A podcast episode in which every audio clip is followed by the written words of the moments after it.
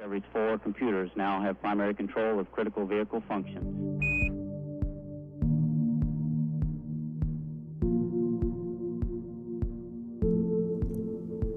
Du lytter til Ida Space Talks, en podcast om rummet over os, om hvordan universet har haft indflydelse på vores selvforståelse og vil præge vores fremtid. Ida Space Talks er udgivet af Ida, fagforening for teknologi, IT og naturvidenskab, i samarbejde med det faglige netværk Ida Space. Mit navn er Tino Tønnesen, og det er mig, der er vært på Ida Space Talks.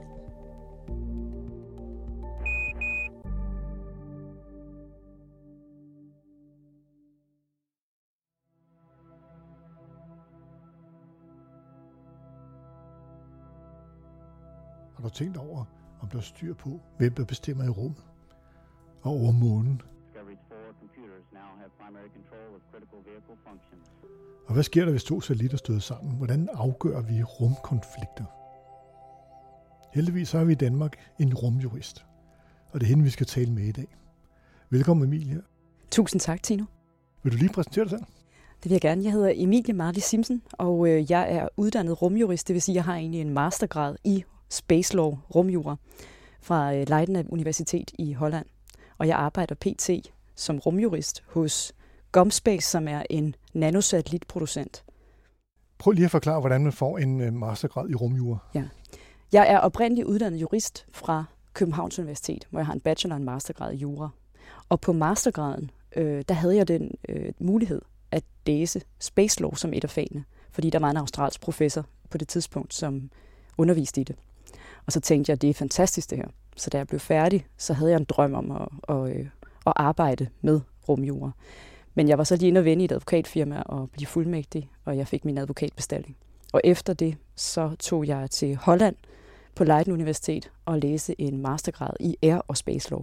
Okay, jeg må sige, at jeg synes, det lyder rigtig sejt at være rumjurist. Det lyder også lidt fjollet, ved jeg godt, der er mange, der vil sige. Jeg kalder det jo juristonaut. Det er jo sådan den eneste måde, en jurist rigtig kan komme i rummet på. Få lov til at, at sejle lidt på paragraferne deroppe. Når man nu siger en rumjurist, så er der jo også rumjura.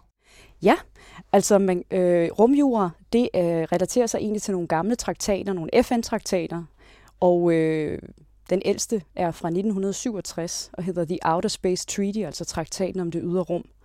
Og øh, for at forstå rumjuren, så er man nødt til lidt at sætte scenen for det tidspunkt, hvor den blev nedfældet i, fordi det er jo sådan udtryk for fastfrossen politik. Så man var midt i den kolde krig, man var midt i et rumkapløb, hvor to øh, store supermagter spillede med musklerne, og det var USA og Sovjetunionen. Og øh, man var bange for, at øh, rummet skulle gå hen og blive den nye krigsskueplads, fordi de havde også overtaget resterne af den nazistiske missilprogram. Så med henblik på at imødegå det, så blev der nedsat en øh, komité, der hed Komiteen for fredelig anvendelse af det ydre rum, UN uh, øh, Committee on the Peaceful Use of Outer Space, UN COPUOS. Og det blev gjort i 1958, så lige efter, at Sputnik var blevet sendt op i 57. Og den her komité har så to underkomitéer, en øh, videnskabelig og teknisk underkomité og en juridisk underkomité. Og i den juridiske, det er der, at de her regler bliver lavet. Så man har den her traktat, og de vigtigste principper i den, det er, at alle har ret til frit og fredeligt at anvende og udforske det ydre rum og lave videnskabelige undersøgelser. Men der er en klar begrænsning, og det er, at man ikke må hæve det ejerskab over det ydre rum. Det tilhører os alle, og det gælder både ved suverænitetshævelse, eller ved at man besætter rummet eller et himmellegeme, eller på anden vis, siger man. Ja, fordi rummet tilhører jo os alle, Nemlig. tror vi. Ja, der står i traktaterne, at det skal være the province of mankind. Det lyder meget smukt. Og vi skal alle sammen have ret til, alle stater har ret til, at, at det skal bruges på en måde, som er til gavn for alle stater, og det skal være alle staters interesse. Så det er sådan, og så skal det i øvrigt være til fredelig anvendelse. Og det vil sige den fredelige anvendelse, når man kan se på, at man lige fra begyndelsen af, af rumfarten har brugt missilsystemer til at, at sende raketter op, så er, der jo ikke, så er der jo ingen tvivl om, at det er militær anvendelse, der er sket i det ydre rum, men at fredelig anvendelse nok skal betyde, at det er non-aggressivt. Og det ligger også i, det er jo under FN, øh, og øh, den ydre rumtraktat gentager også FN's principper om, at øh, det ydre rum skal anvendes på en måde, som er i overensstemmelse med folkeretten, så humanitær folkeretten, men også FN-pakten. Og her er der jo blandt andet artikel 2 i FN-pakten, der siger, at man ikke må lave væbnet angreb. Men også, at man har ret til øh, kollektivt eller øh, individuelt selvforsvar. Så man skal jo fremme fred og international sikkerhed, men også samarbejde. Jeg synes jo, at det, at det lyder enormt vildt, at man skal til at lave aftaler for at undgå krig i rummet. Ja, men man kan sige, at øh, på nuværende tidspunkt, altså på det her tidspunkt har vi været bange for, at det skulle gå hen og blive Øh, en krigsskueplads. Og faktisk i 2019, der gik NATO ud og anerkendte det ydre rum som det femte operationelle domæne.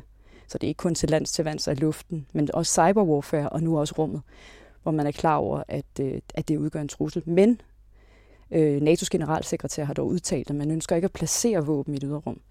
Man ønsker øh, altså kun at bruge rummet til at, at, at, at beskytte sine egne interesser. Hvordan er en hverdag for en rumjurist? Ja, det kan jo være forskelligt. Jeg tænker, hvis man sidder i en forskningsposition eller andet. Nu sidder jeg i en privat virksomhed, hvor vi øh, laver nanosatellitter. Så jeg sidder egentlig med alle de øh, juridiske problemstillinger, som relaterer sig til planlægning og eksekvering af en rummission. Så det vil sige, det er alt fra kontrakter, forhandlinger med kunder, øh, så er det også at sikre, at vi får tilladelser fra vores øh, nationale myndigheder til at få lov til at opsende satellitter. Så er det øh, øh, samtaler med forskellige øh, launchfirmaer for at få den rigtige øh, launchløsning til den pågældende rummission. Det vil sige, det er lidt ligesom at købe flybilletter, bare lidt mere øh, eksotisk. Og øh, så noget som også at få fat i øh, en rigtig forsikring til for eksempel at imødekomme, hvis nu man skulle kollidere med nogen i døderum. Og så er der jo sådan noget som eksportkontrol, der også er ganske vigtigt. Så egentlig en mange forskellige øh, facetter, man får lov til at dykke ned i. Der er ikke to dage, der er ens? Ikke helt, nej. Og man kan sige, at der er rigtig meget af, når man læser de her gamle traktater, og også den måde, de bliver implementeret i national lovgivning, så kan man jo se hver dag, fordi det her det er så uopdyrket et område nu, og særligt den kommercialisering, vi ser nu, at man hele tiden ser, at der er ting, der ikke er blevet tænkt over. Så det vil sige, at de her meget gamle, vage bestemmelser, de kan fortolkes øh, i øst og i vest. Og det er ikke længere kun stater, der er aktørerne, som det var back in the day. Det er jo også nu private aktører. Og de har jo forskellige interesser. Man kan sige, at stater kigger lidt mere på sikkerhed og bæredygtig anvendelse af det ydre rum, hvor øh, kommersielle firmaer øh, formentlig kigger lidt mere på, om der er markedspotentiale, og om man får en return of investment. Det skal vi også lige, lige øh, tale om, nemlig det, det med, at nu kommer der private aktører på, og er, er de bundet af alle de her aftaler osv. Men jeg tænkte på, kan du ikke tage os igennem øh, sådan kronologisk, øh, hvad, hvad, hvad, hvad har baggrunden været for de her aftaler, og øh, hvad er det, der sker med med den nye aftale med artemis Accord? Helt klart. Altså man kan sige, det jeg lige har nævnt med The Outer Space Treaty, og hele årsagen til, at den kom på banen, for at sikre, at rummet blev ved med at være til fredelig anvendelse. Øh, den indeholder en, en, en, en række forskellige øh, andre bestemmelser, blandt andet også, at nu nævnte du det her med, om den også gælder for kommersielle aktører og private entiteter. Der står decideret, at stater skal give tilladelse til private aktørers øh, aktiviteter i et yderrum, men også føre tilsyn med dem. Så det viser jo lidt. Så er der også nogle principper om, at stater er internationalt ansvarlige for private aktørers aktiviteter i et yderrum, Og det vil sige dermed også eventuelt erstatningsansvarlige. Så det vil sige, at man kan også gå hen og skulle altså, erstatte øh, en privat aktørs, øh, eller de skader, som en privat aktørs mission forvolder i det ydre rum. Altså som eksempel, det vil så være, hvis en SpaceX-satellit ramte en andens satellit. Det kunne være i rummet, ja, ja. kollision. Eller det kunne være, hvis den røg ned i dit hus. Selvfølgelig. Eller den røg ned på dig. Eller den rammer et fly i luftrummet.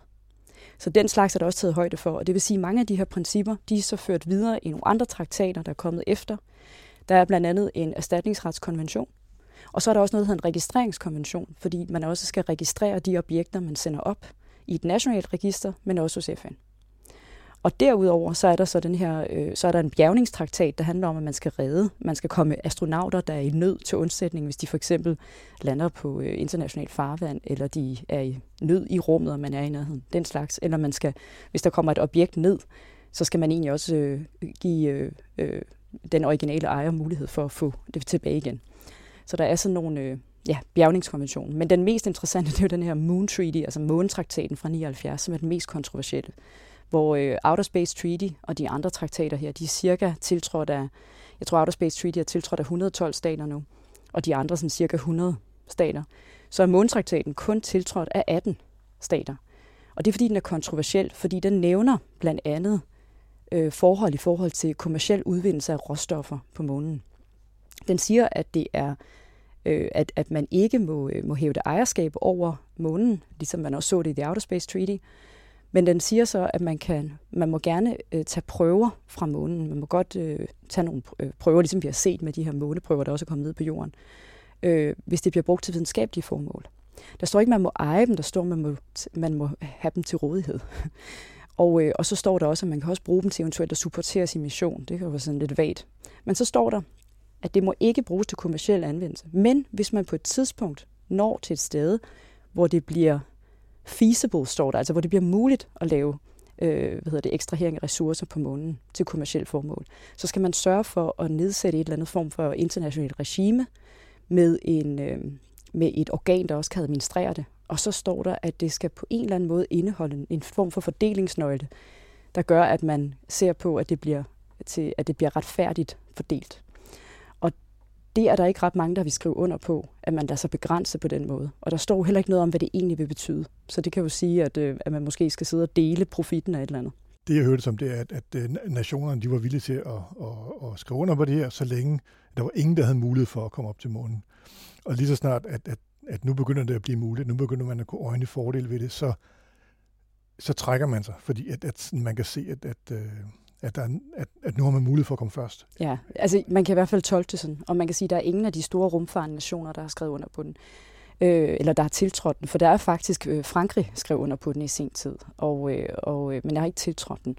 Men nu er der så kommet det her Artemis-program, at øh, så havde vi Apollo-missionerne, og nu revitaliserer de øh, NASA Apollo-missionerne i form af Artemis-programmet. Nu skal vi tilbage til månen, og de vil sætte den første kvinde på månen. Øhm, og i den forbindelse så nævner de blandt andet, at det her Artemis-program har også til formål at skabe en, øh, en permanent tilstedeværelse på månen, men også øh, udvinding af ressourcer på månen. Og månen indeholder jo blandt andet månestøvet, det her regolit, som kan bruges formentlig til at danne fusionsenergi. Det kan bruges til brændstof i en fusionsreaktor.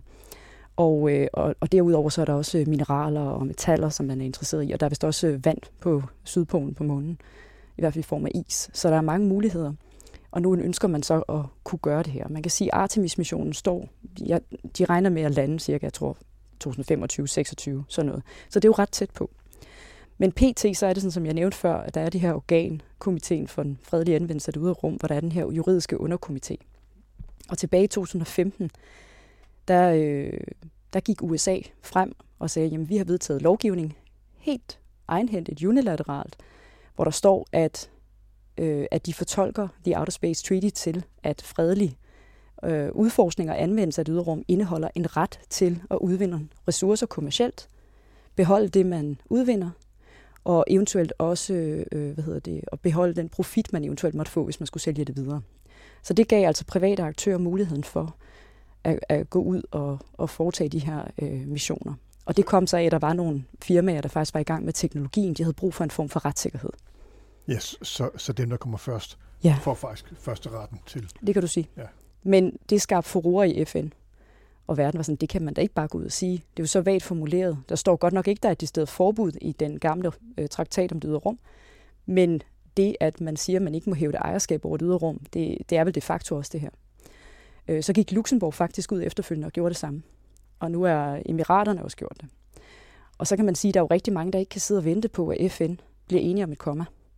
Fordi det er ufattelig mange stater, der skal sidde og blive enige. Men denne her ensidige lovgivning fra USA gjorde, at det blev sat på agendaen i den her underkomité. Så PT er der en arbejdsgruppe, der er nedsat for at finde ud af, hvordan man regulerer det her. Men som du nævnte før, der er jo ikke rigtig nogen stater, der ønsker at skrive under på bindende traktater. Nej. Så formentlig bliver det nogle guidelines, nogle principper, som man så håber, folk efterlever. Det er jo ikke alle verdens nationer, som har mulighed for at komme op på månen. Så ender det reelt med, at det er nogle få aktører, som kommer til at definere fremtiden for månen og fremtidens brug af månen. Jeg tænker, jeg tænker Indien, Kina, Rusland, USA selvfølgelig. Det er jo det, man kan forestille sig, og det er jo det med, at hvis man skal se på det her med, at det skal komme alle stater til, det skal være til gavn for alle stater, så alle skal kunne drage lidt fordel af de her aktiviteter, øh, så er der nok ikke nogen tvivl om, at kommersielle aktører ikke ønsker at dele Nej. de investeringer, Altså, de ønsker ikke at investere i noget, de så skal dele med en hel masse, der ikke har været med.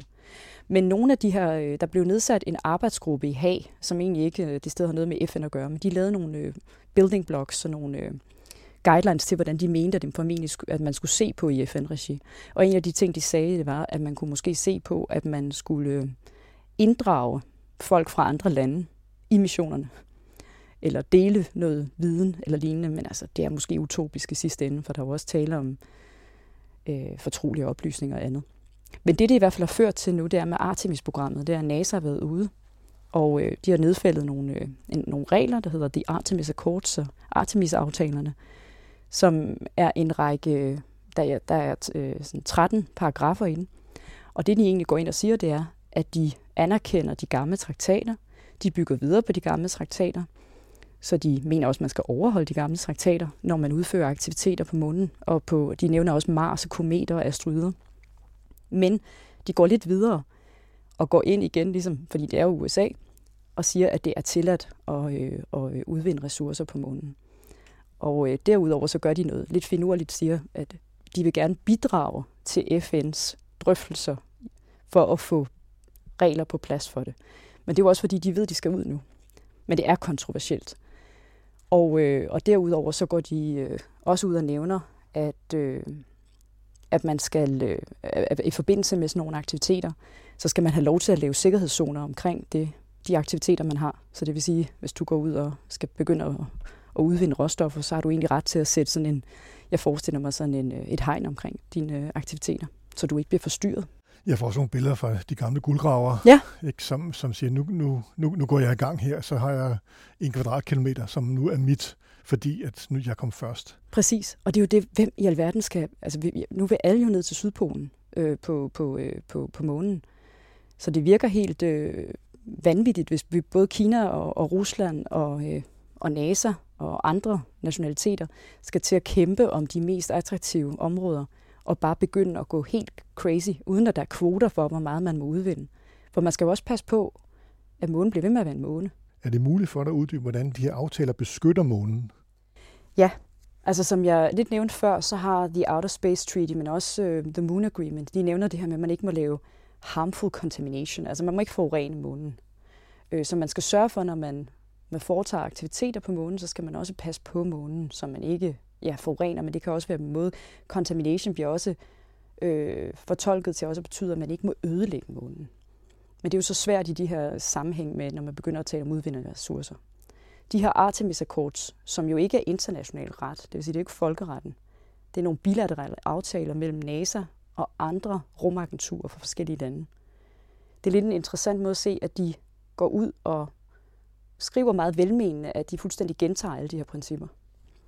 Men så går de lidt videre, som jeg synes er ret morsomt, og det er, at de siger blandt andet, at man skal beskytte måne, månens øh, heritage. Og der går man ud og kigger på sådan, så det er verdensarv, eller med en eller anden form for, øh, at man ser på, at, øh, at der er noget historisk og kulturel interesse i de programmer, vi har haft tidligere på månen. Det vil sige for eksempel Armstrongs øh, hvad hedder det, fodspor på månen, de måne rovers, der er øh, placeret deroppe allerede, og de flag, der er placeret fra USA. Og der mener man, at man skal sikre sig, at, øh, at, at man får, øh, får lavet nogle anordninger, så man ikke går rundt og tramper oven i det og beskytter det. Så det bliver sådan en form for fredet, øh, bevaringsværdigt øh, øh, områder og artefakter. Og derudover også, at man, øh, at man kunne forestille sig sådan en UNESCO-tankegang, ikke? At det, det bliver sådan noget verdensarv. Ja, Ja, så, så, så kulturarvmæssigt eller verdensarvmæssigt, der, der kan man godt se, at, at det tilhører menneskeheden. Ja, menneskeheden, ja. præcis. Og det er jo interessant, for det vil også altid tilhøre for eksempel USA, de ting, de har sat derop, det vil stadigvæk være USA's, men det er morsomt, at de går ind og taler om verdensarv og sådan historisk kultur, kulturarv, mere end de taler om, hvordan vi reelt beskytter månen, når vi begynder at udvinde noget på den. Så man kan jo godt forestille sig sådan, at man skal ud og have sådan nogle, øh, ligesom på museer, så have sådan nogle velurbånd i rødt, rundt om fodspor, så vi ikke kommer til at trampe på dem, så man kan tage på museum på månen. Fantastisk. Ja. Jeg synes på et tidspunkt, jeg læste, at der var en, øh, selvfølgelig en, en amerikansk rigmand, som gjorde krav på et stykke, stykke af månen, ja. fordi han havde købt en rover, en, en rover. Ja. Han havde købt en rover, og så sagde han, at det stykke øh, måne øh, jord, som den stod på, det må så tilhøre ham. Ja, og det er lidt morsomt, fordi det, der blandt andet står i den her månetraktat, det er blandt andet, at alle Altså selvom du sætter noget, du, du etablerer, en, øh, du etablerer en, en, en, en, et habitat eller en base eller et eller andet, gør ikke, at du ejer det, der ligger under dig.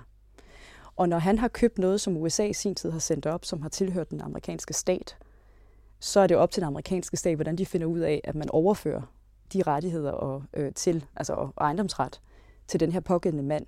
Men det betyder sådan set også, at han så faktisk ville være ansvarlig. Altså det ville stadig være USA, der var ansvarlig og erstatningsansvarlig, hvis den rover gjorde skade på noget på månen. Men så kunne de så rette et erstatningskrav mod ham, fordi det er mellem stater, de her internationale traktater. Ikke? Det ved han nok ikke. Det ved han nok ikke, men derfor er det noget fis, også hvis man har lyst til at købe en stjerne til hinanden til jul. Jo. Men det er jo romantisk. Men det er, men det er, det er mere sådan noget lidt fluffy business. Øhm, men man kan sige, det man ser i hvert fald med de her uh, Artemis Accords, det er, at det ser lidt kontroversielt ud, at de ikke venter på FN. Selvom de bliver med at nævne, at de gerne vil fremme FN's interesse også, og de gerne vil prøve at bidrage gennem det her program, og de erfaringer, de gør sig i forbindelse med Artemis-programmet, så vil de gerne bidrage til FN's drøftelser. Så kunne det godt virke som en måde, hvorpå at USA ved at indgå bilaterale aftaler med forskellige rumagenturer, så får de i hvert fald øh, positioneret sig som en, den største spiller i rummet. Og, og det kan virke en lille smule problematisk, at man prøver at lave sådan noget quasi-jura Ligesom i, at vi her på jorden skal, skal passe på klimaet, altså, så skal vi jo også passe på månen, fordi den har jo betydning for os. Præcis. Det indgår i uh, The Outer Space Treaty nævner, at man skal passe på med harmful contamination uh, af både af, af, af månen og andre himmellegemer, men også at man skal passe på, at man heller ikke kommer til at forurene jorden, når man bringer noget tilbage. Så det er et princip, der står. Der står også, at man skal hele tiden tænke på, at man skal tage hensyn til hinanden og man skal have, og man, det hele bygger på et princip om, at man skal have gensidig assistance, om man vil. Altså, man skal i hvert fald have respekt for hinanden i de ting, man laver. Og derudover så skal man sørge for ikke at lave det, der hedder harmful interference, så man må altså ikke øh, øh gøre noget, der skader andres missioner. Og i så fald, så skal man gå i dialog og have en eller anden form for konsultation med de pågældende stater. Det er jo nok også utopisk, hvis man først er i gang. Det næste ting på det er jo, hvis, hvis, hvis der er to, to, øh, to stater, som kommer i konflikt med hinanden, hvordan skal man løse det? Er, er, der, er, der, en, er, er der sådan en, en, en indbygget en konflikttrappe i Artemis Accord, hvor man siger, prøv at hvis det, hvis, hvis det er sådan her, så må vi løse det på den her måde. I stedet for, eller jeg tænker for at undgå, øh, at, at man begynder at skyde på hinanden. Altså de taler om, at man skal øh, sørge for sådan at kunne dekonflikte, men der står ikke en decideret øh, sådan... Øh, mulighed for, hvordan man, øh, man løser, øh, altså ikke en nøgle for det. Øh, så det interessante er jo, at hvis man går ud og laver sikkerhedszoner, så har man jo reelt gået imod det, der står i The Outer Space Treaty om, at alle har fri adgang til det ydre rum. Så er man pludselig begrænset. Der er mange, der sammenligner rummet lidt med, øh, eller rummet og dets ressourcer, med at man går ud i verdenshavene og fisker. Og siger, at det har man jo også ret til. Jo. Og der er jo nogle kvoter for eksempel. Men forskellen, som nogen øh, siger, er, at øh, fisk, de formerer sig. Og det her, det er abiotiske ressourcer, det vil sige, de er jo ikke i live, og det vil sige, de formerer sig ikke. Så hvis du først har taget en ske fuld af månen, så er du for altid så, så vil månen altid stå der og mangle sådan, jeg forestiller mig sådan en lille skub af en is. Ikke? Så er der mindre måne. Der er mindre måne, ja. Så det er jo et spørgsmål om, øh, hvordan folk vil, altså, hvordan vi passer på, at månen bliver ved med at være månen. Og man kunne forestille sig, at der er jo også mange, der taler om at tage ud til asteroider, fordi man mener, at nogle af asteroider, de rummer metaller i, altså sådan øh, øh, overflødeshorn af, af sjældne metaller på jorden, eller som er sjældne på jorden. Platin, nikkel, andet. Der er lavet sådan en database, der hedder Asterank, hvor man kan gå ind og se, hvor meget man, får, øh, man øh, formoder, at det, der hedder nærjordsasteroider, så de asteroider, der er tæt på jorden og inde i jordens baner, de, øh, som krydser jordens baner, de, øh, de indeholder. Og der kan man blandt andet se, hvad man forventer, altså præcis hvor meget af et specifikt metal, og hvor meget man så regner med det i værd. Og så kunne man jo forestille sig, hvis man går ud og har mulighed for at udvinde 90 procent af en asteroide, så har man jo måske de facto i virkeligheden hævdet ejerskab, fordi så findes det ikke mere. Ja, så findes asteroiden ikke mere. Nej. Nej. Så man kan faktisk gå ind i katalog og se, kan det betale sig for mig at fange den her asteroide? Man kan sige, at der er jo ikke nogen, der vil investere i det her, hvis der ikke også er en form for, at man, kan, at man er sikker på, at det er lovligt. Nej, det er jo klart. Og derfor har det også været nødvendigt for USA at gå ud og, og, og dementere, at det er det. Øh, de her Artemis Accords, de er skrevet under 20 stater nu, der gerne vil være med. Og de 20 stater, der gerne vil være med, er det de store spillere, eller, eller er det nogle stillehavsstater? Eller altså, det... Rusland og, øh, og Kina, de laver jo deres eget, så de vil ikke være med. Men det er blandt andet altså Australien og Kanada. Øh, og så er det fra europæisk side, så er det faktisk øh, øh, Storbritannien, som jo ikke længere er med i EU, men er et ESA-land, en ESA-medlemsstat. Og så er det Luxembourg, Italien og lige øh, for nylig Frankrig. Og så er der også Rumænien og Polen. Men øh, det interessante ved Frankrig er, at de skrev i sin tid under på månetraktaten, hvor man altså skrev under på, at man på et tidspunkt skal sørge for, at der vil være et eller andet regime for fordeling. Ja. Og nu har de skrevet under på det her, som går lige imod det. Øh, og der mener man, det måske har noget med at gøre, at det franske rumagentur har ligget under Ministeriet for Forskning og Uddannelse, og er for nylig flyttet over til Ministeriet for Økonomi. Så der er måske lidt øh, nogle andre interesser på spil. Det lyder sådan i hvert fald. Ja. Og så går man og venter på at se, om Tyskland for eksempel vil gå med. De fleste stater vil jo gerne vente på, at de her forhandlinger i FN bliver færdige, så man er enige om, hvad man gør. Fordi det vil skabe øh, mindst mulig konflikt formentlig. Fordi man kunne godt forestille sig, at nogle lande vil lade sig gevaldigt provokere af, at nogen får adgang til de her kæmpemæssige øh, muligheder og ressourcer, som kan give rigdom og velstand, som man slet ikke kan forestille sig. Ja, fordi det kan jo helt klart give nogle, nogle økonomiske fordele at, at, ja. at komme først. Ja. Og i høj grad også, hvis ressourcerne skal bruges, øh, hvis der er mangel på ressourcerne på jorden, ja. og kunne få det ned, det vil klart give en, give en fordel. Ja, der taler man så om, om det overhovedet kan betale sig, og man kunne også ende med at dumpe priserne på markedet for for eksempel platin. Det er heller ikke sikkert, det er, er det, vi ønsker. Det er Forbes på et tidspunkt frem at tale om, kan jeg huske. Men hvis man står øh, altså hvis man, man kunne i hvert fald forestille sig, at der er også øh, mange krige, der er blevet kæmpet over ressourcer, udkæmpet på, over ressourcer på jorden. Øh, så hvis det her det bliver noget, folk ser som sådan en form for øh, økonomisk øh, provokation, så kunne det jo også føre til konflikt på jorden, og ikke nødvendigvis i rummet. Nej. Eller at nogen måske vil begynde at, øh, at sabotere hinandens projekter derop. Det, at Kina og Rusland gør deres eget løb, hvordan gør de det? Jamen, de vil jo lave deres egne missioner. Altså, Kina har jo lavet de her, jeg tror, det er deres uh, Chang'e-missionerne, hvor de også lander på, uh, på, på Sydpolen og også vil have mennesker derop. Øhm, og nu ser vi jo, at der er ret store geopolitiske øh, spændinger i øjeblikket på, på jorden, hvor man kan se, at Rusland har jo øh, i den grad øh, brugt FN-pakten om væbnet angreb, sådan som vi ser det i Vesten i hvert fald. Og, øh, og det spiller jo lidt over på, hvordan vi ser det her fredsprojekt i form af den internationale rumstation, hvor Rusland for nylig har sagt, at de vil trække sig. Ja. Det har jo været et projekt, hvor man mener, at det måske har været med til at gøre, at rummet ikke rigtig har været brugt til, øh, øh til, øh, ja, til krig endnu. Ja. Fordi der har været en fælles mission. Der har været en fælles mission, ja. præcis, hvor man har delt viden og forskning. Og nu, og nu har Kina jo, de er jo i fuld gang med at lave deres eget. Ja, lave deres ja. egen øh, rumstation. Ja, ja præcis. Vil, så. Vil, nu ved jeg ikke, om du ved det, men vil russerne så blive en del af det, eller vil, vil russerne... Altså, de, de har jo ikke haft så meget held med deres, med deres øh, opsendelser her på det sidste, må man sige. Men, men vil, de, vil de have deres egen rumstation, eller vil de... Jeg tror, de taler om begge dele, PT. Ja. ja. Muligvis at tilslutte sig Kina, og, og muligvis at gå et egen vej de er jo, øh, der kommer meget ud i øjeblikket for Rusland, ja. der stikker i mange retninger, men de prøver også at provokere os mest muligt.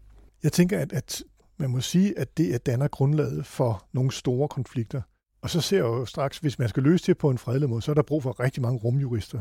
Kom, øh, kommer det til at foregå sådan, eller hvordan? hvordan øh... Jeg tror ikke nødvendigvis bare rumjurister. Øh, jeg tror, det er et spørgsmål om, om man, kan, altså, om man i virkeligheden kan komme til enighed i FN. Fuldstændig ligesom man sidder nu og drøfter situationen med Ukraine og Rusland i FN, øh, så vil det nok være det samme. Det man kan sige, det er, at det er vanskeligt. Nu nævnte jeg før, at der er det her forbud, altså fordi FN-pakken også finder anvendelse på rum og folkeretten, så er der jo det her forbud mod øh, væbnet, konf- øh, væbnet angreb.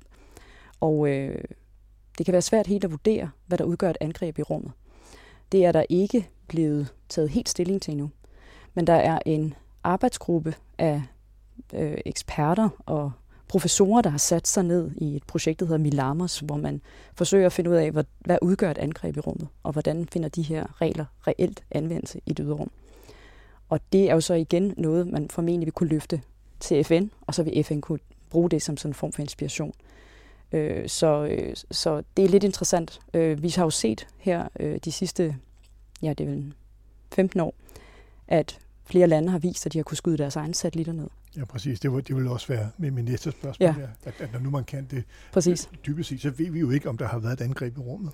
Nej, altså du kan sige, at Kina skød deres egen satellit ned i 2007. En værsatellit, hvor de ikke kom med en forklaring på det, men skabte, jeg tror det var 3.000 stykker af rumskrot, som man har kunne tracke.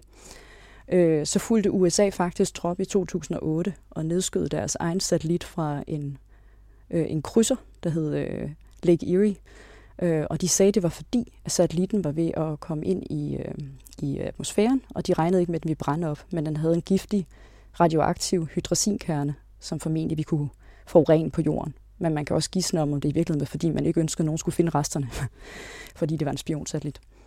Men så viste de også, at de kunne gøre det. De skabte ikke så meget debris, fordi det var i lavere kredsløb. Men ja, så, så, så er alt brændt op. Ja, det, så vidt jeg forstår, ja. I 2018 så viste Indien, at de kunne lave øh, anti-satellittest med missil, jordbaserede missilsystemer. Og så fulgte Rusland trop øh, i, øh, i november sidste år og skød deres egne, eller en af deres egne gamle øh, sovjetiske, so, øh, sovjetiske satellitter ned og skabte en sky af rumskrot. Og så er jo spørgsmålet jo, jamen er det, de har i hvert fald, jeg tror, at de store magterne har sat hinanden lidt skak, fordi de ved, at hvem har egentlig interesse i, at vi, at vi, vi ødelægger alt op i rummet, skaber, der er den her reaktion, der hedder Kessler-syndromet, hvor man regner med, at et stykke skråt rammer et andet stykke skråt, og så bliver det en kædereaktion, og så ender vi med endnu mere skråt. Og til sidst så vil vi have sådan et Saturn-bælte af rumskrot, som gør, at vi slet ikke kan komme ud i det ydre rum. Men når nu øh, for eksempel russerne skyder deres øh, satellit i stykker, det rumskrot, der så dannes, er de ansvarlige for det? Er det sådan? Altså, du kan sige, det er de, fordi de stykker, man vil altid, der står i den her registreringskonvention, at man har altid ejerskab og kontrol over det, man har sendt op. Så det vil sige, at den russiske, nu var det jo så en sovjetisk satellit med Rusland, vil så være ansvarlige for de her stykker øh, rumskrot, hvis de, øh, hvis de kolliderer med andre. Dilemmaet er, at det kan være svært at bevise, hvem der har skyld. Fordi i den her erstatningskonvention, der står der, at hvis noget falder ned på dig og mig på jorden eller vores ejendom, eller på et fly i luftrummet, så er der det, der hedder objektivt erstatningsansvar. Det vil sige, at man skal ikke engang bevise skyld. Så vil man egentlig kunne gå til den stat, som har registreret den pågældende satellit og sige, at man har et krav. Så kan man så diskutere, om man så kan blive enige. Men når det gælder kollisioner i rummet, eller andet sted end det, jeg har nævnt nu, så vil det være øh, et øh, skyldsbaseret spørgsmål. Mm-hmm. Og der er jo ikke rigtig rumtrafikregler på plads. Så der står ikke noget om, hvem der har vigepligt. Og det vil jo sige, at hvis der kommer sådan et stykke rumskrot imod øh, en, en satellit, og man for eksempel ikke har brændstof ombord, så har man ikke mulighed for at flytte sig. Så kan man bare sidde og holde. Og øh, Gomspace, som jeg arbejder for, vi har vores egne satellitter i rummet, hvor vi validerer vores teknologi. Og vi oplever i øjeblikket at være på kollisionskurs cirka en gang om måneden med en satellit, der er aktiv, men også her for nylig, altså rumskrot, hvor du virkelig ikke kan gøre noget. Er det en alarm på computeren, der begynder at blinke, eller hvordan, hvordan det foregår, foregår det? sådan, at øh, USA's Space Force, det 6. værn under USA's øh, forsvar, som blev nedsat af Donald Trump, øh, de har en øh, underafdeling, der hedder øh, US Space Defense Squadron. Og der kan man i deres, de har et system, der hedder spacetrack.org, hvor man kan gå ind og, og registrere sine sin satellitter. Og så får man altså sådan nogle advarsler. Men det vil også sige, det er jo ikke altid, det er jo ikke alle, der gør det her. Og det vil sige, det der hedder Space Situational Awareness, altså hvor man får et fuldstændigt billede af, hvad der egentlig foregår i rummet. Det er noget, der er, øh, altså vi virkelig har brug for nu. Og vi kan heller ikke være sikre på, at vi kan være med at være, og, og, hvad hedder det, at have tillid til, at USA vil give os de her oplysninger. Nej. Så vi, der bliver også bygget, øh, hvad hedder det, eller bliver, øh, ja, bygget europæiske løsninger for det her nu. Men igen, rumtrafikregler, det er noget, som er meget op i tiden, Øh, vi sidder også i vores virksomhed med i nogle arbejdsgrupper i forskellige regier under for eksempel EU-kommissionen, hvor man prøver at finde ud af, hvad man kan gøre. Og, øh, og det er jo alt for, hvad har man af interesse, hvis man er en producent af en satellit. Skal der være brændstof ombord, når man sender noget i rummet, for at man kan flytte sig? Skal man sørge for at være ude af kredsløb inden for en vis årrække? Den slags. Og, øh, og, og så ser man også på, om, øh, om, øh, altså om, om for eksempel launchfirmaer skal afholde sig fra at launche satellitter, der ikke har brændstof ombord. Det kan være den slags. Så det bliver sådan en, en kæde. Det lyder som om, at den teknologiske udvikling langt hen ad vejen har overhalet øh, lovgivningen. Og det, og det er jo noget, vi har set før. Hvornår, hvornår øh, er der styr på det? Det er jo sådan noget, der kan gøre mig helt rundtosset. Det er et super spændende område at arbejde med, og det er jo også det, der gør, at det lyder så eksotisk at være rumjurist. Det er jo næsten det, man forestiller sig, det har været også med andre transportformer, for eksempel da luftfart blev kommercialiseret.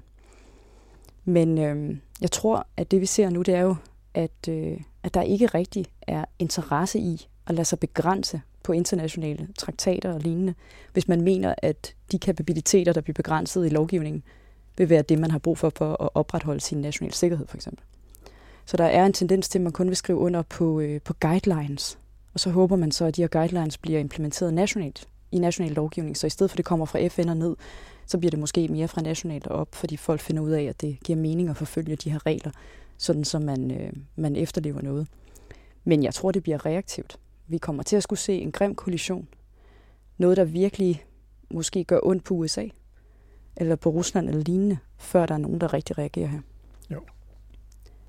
Jamen, det er jo, det er jo helt klart, at, at, som jeg også sagde før, det er jo opskriften på en gigant konflikt, det her. Fuldstændig. Kunne det være opskriften på 3. verdenskrig? Den tror jeg, vi er i gang med på jorden, så den kan sagtens spille over i rummet. Og det er jo det, vi ser nu, hvor Rusland for eksempel trækker sig fra den internationale rumstation, for det ultimative fredsprojekt. Så det tror jeg bestemt. Det er jo dystert, må man sige. Det er meget dystert, og man kan også sige, at det er jo heller ikke noget, der ligefrem fremmer folks lyst til at investere i rumfart, hvis, øh, hvis, man, øh, hvis man skyder det hele ud i sådan et øh, minefelt. Tiden er ved at, at, løbe øh, fra os, Emilie. Det er jo fantastisk interessant. Har du et bud på, hvordan vi kommer til at løse det her? Jeg tror desværre, øh, at det, det bliver meget vanskeligt, og det er jo vanskeligt at nå til enighed i FN. Og hvis vi bliver ved med at se på, at, at FN jo netop har til formål at sikre, at vi vedligeholder fred og international sikkerhed, men også fremmer samarbejde, så bliver vi nok nødt til at håbe på, at det er FN, der får løst det her. Men det kommer jo også ned til, om forskellige stater vil, vil opføre sig ordentligt. Så man kan sige, at jeg håber, at stater kun vil give tilladelse til projekter, der virker som om, at de er til fredelig anvendelse. Og så kan man sige, tilbage i 1962, der øh, gav John F. Kennedy en, en, en tale i forbindelse med måneprogrammet, The Moon Speech, hvor han blandt andet sagde, at vi sætter nu sejl på en månemission, men da teknologi ikke i sig selv har nogen samvittighed, så er det vigtigt, at stater selv ser på, hvordan de bruger og anvender det her teknologi, for at det bliver ved med at blive brugt til fredelige formål, så vi sikrer os, at rummet bliver et fredens hav og ikke en konfliktplads.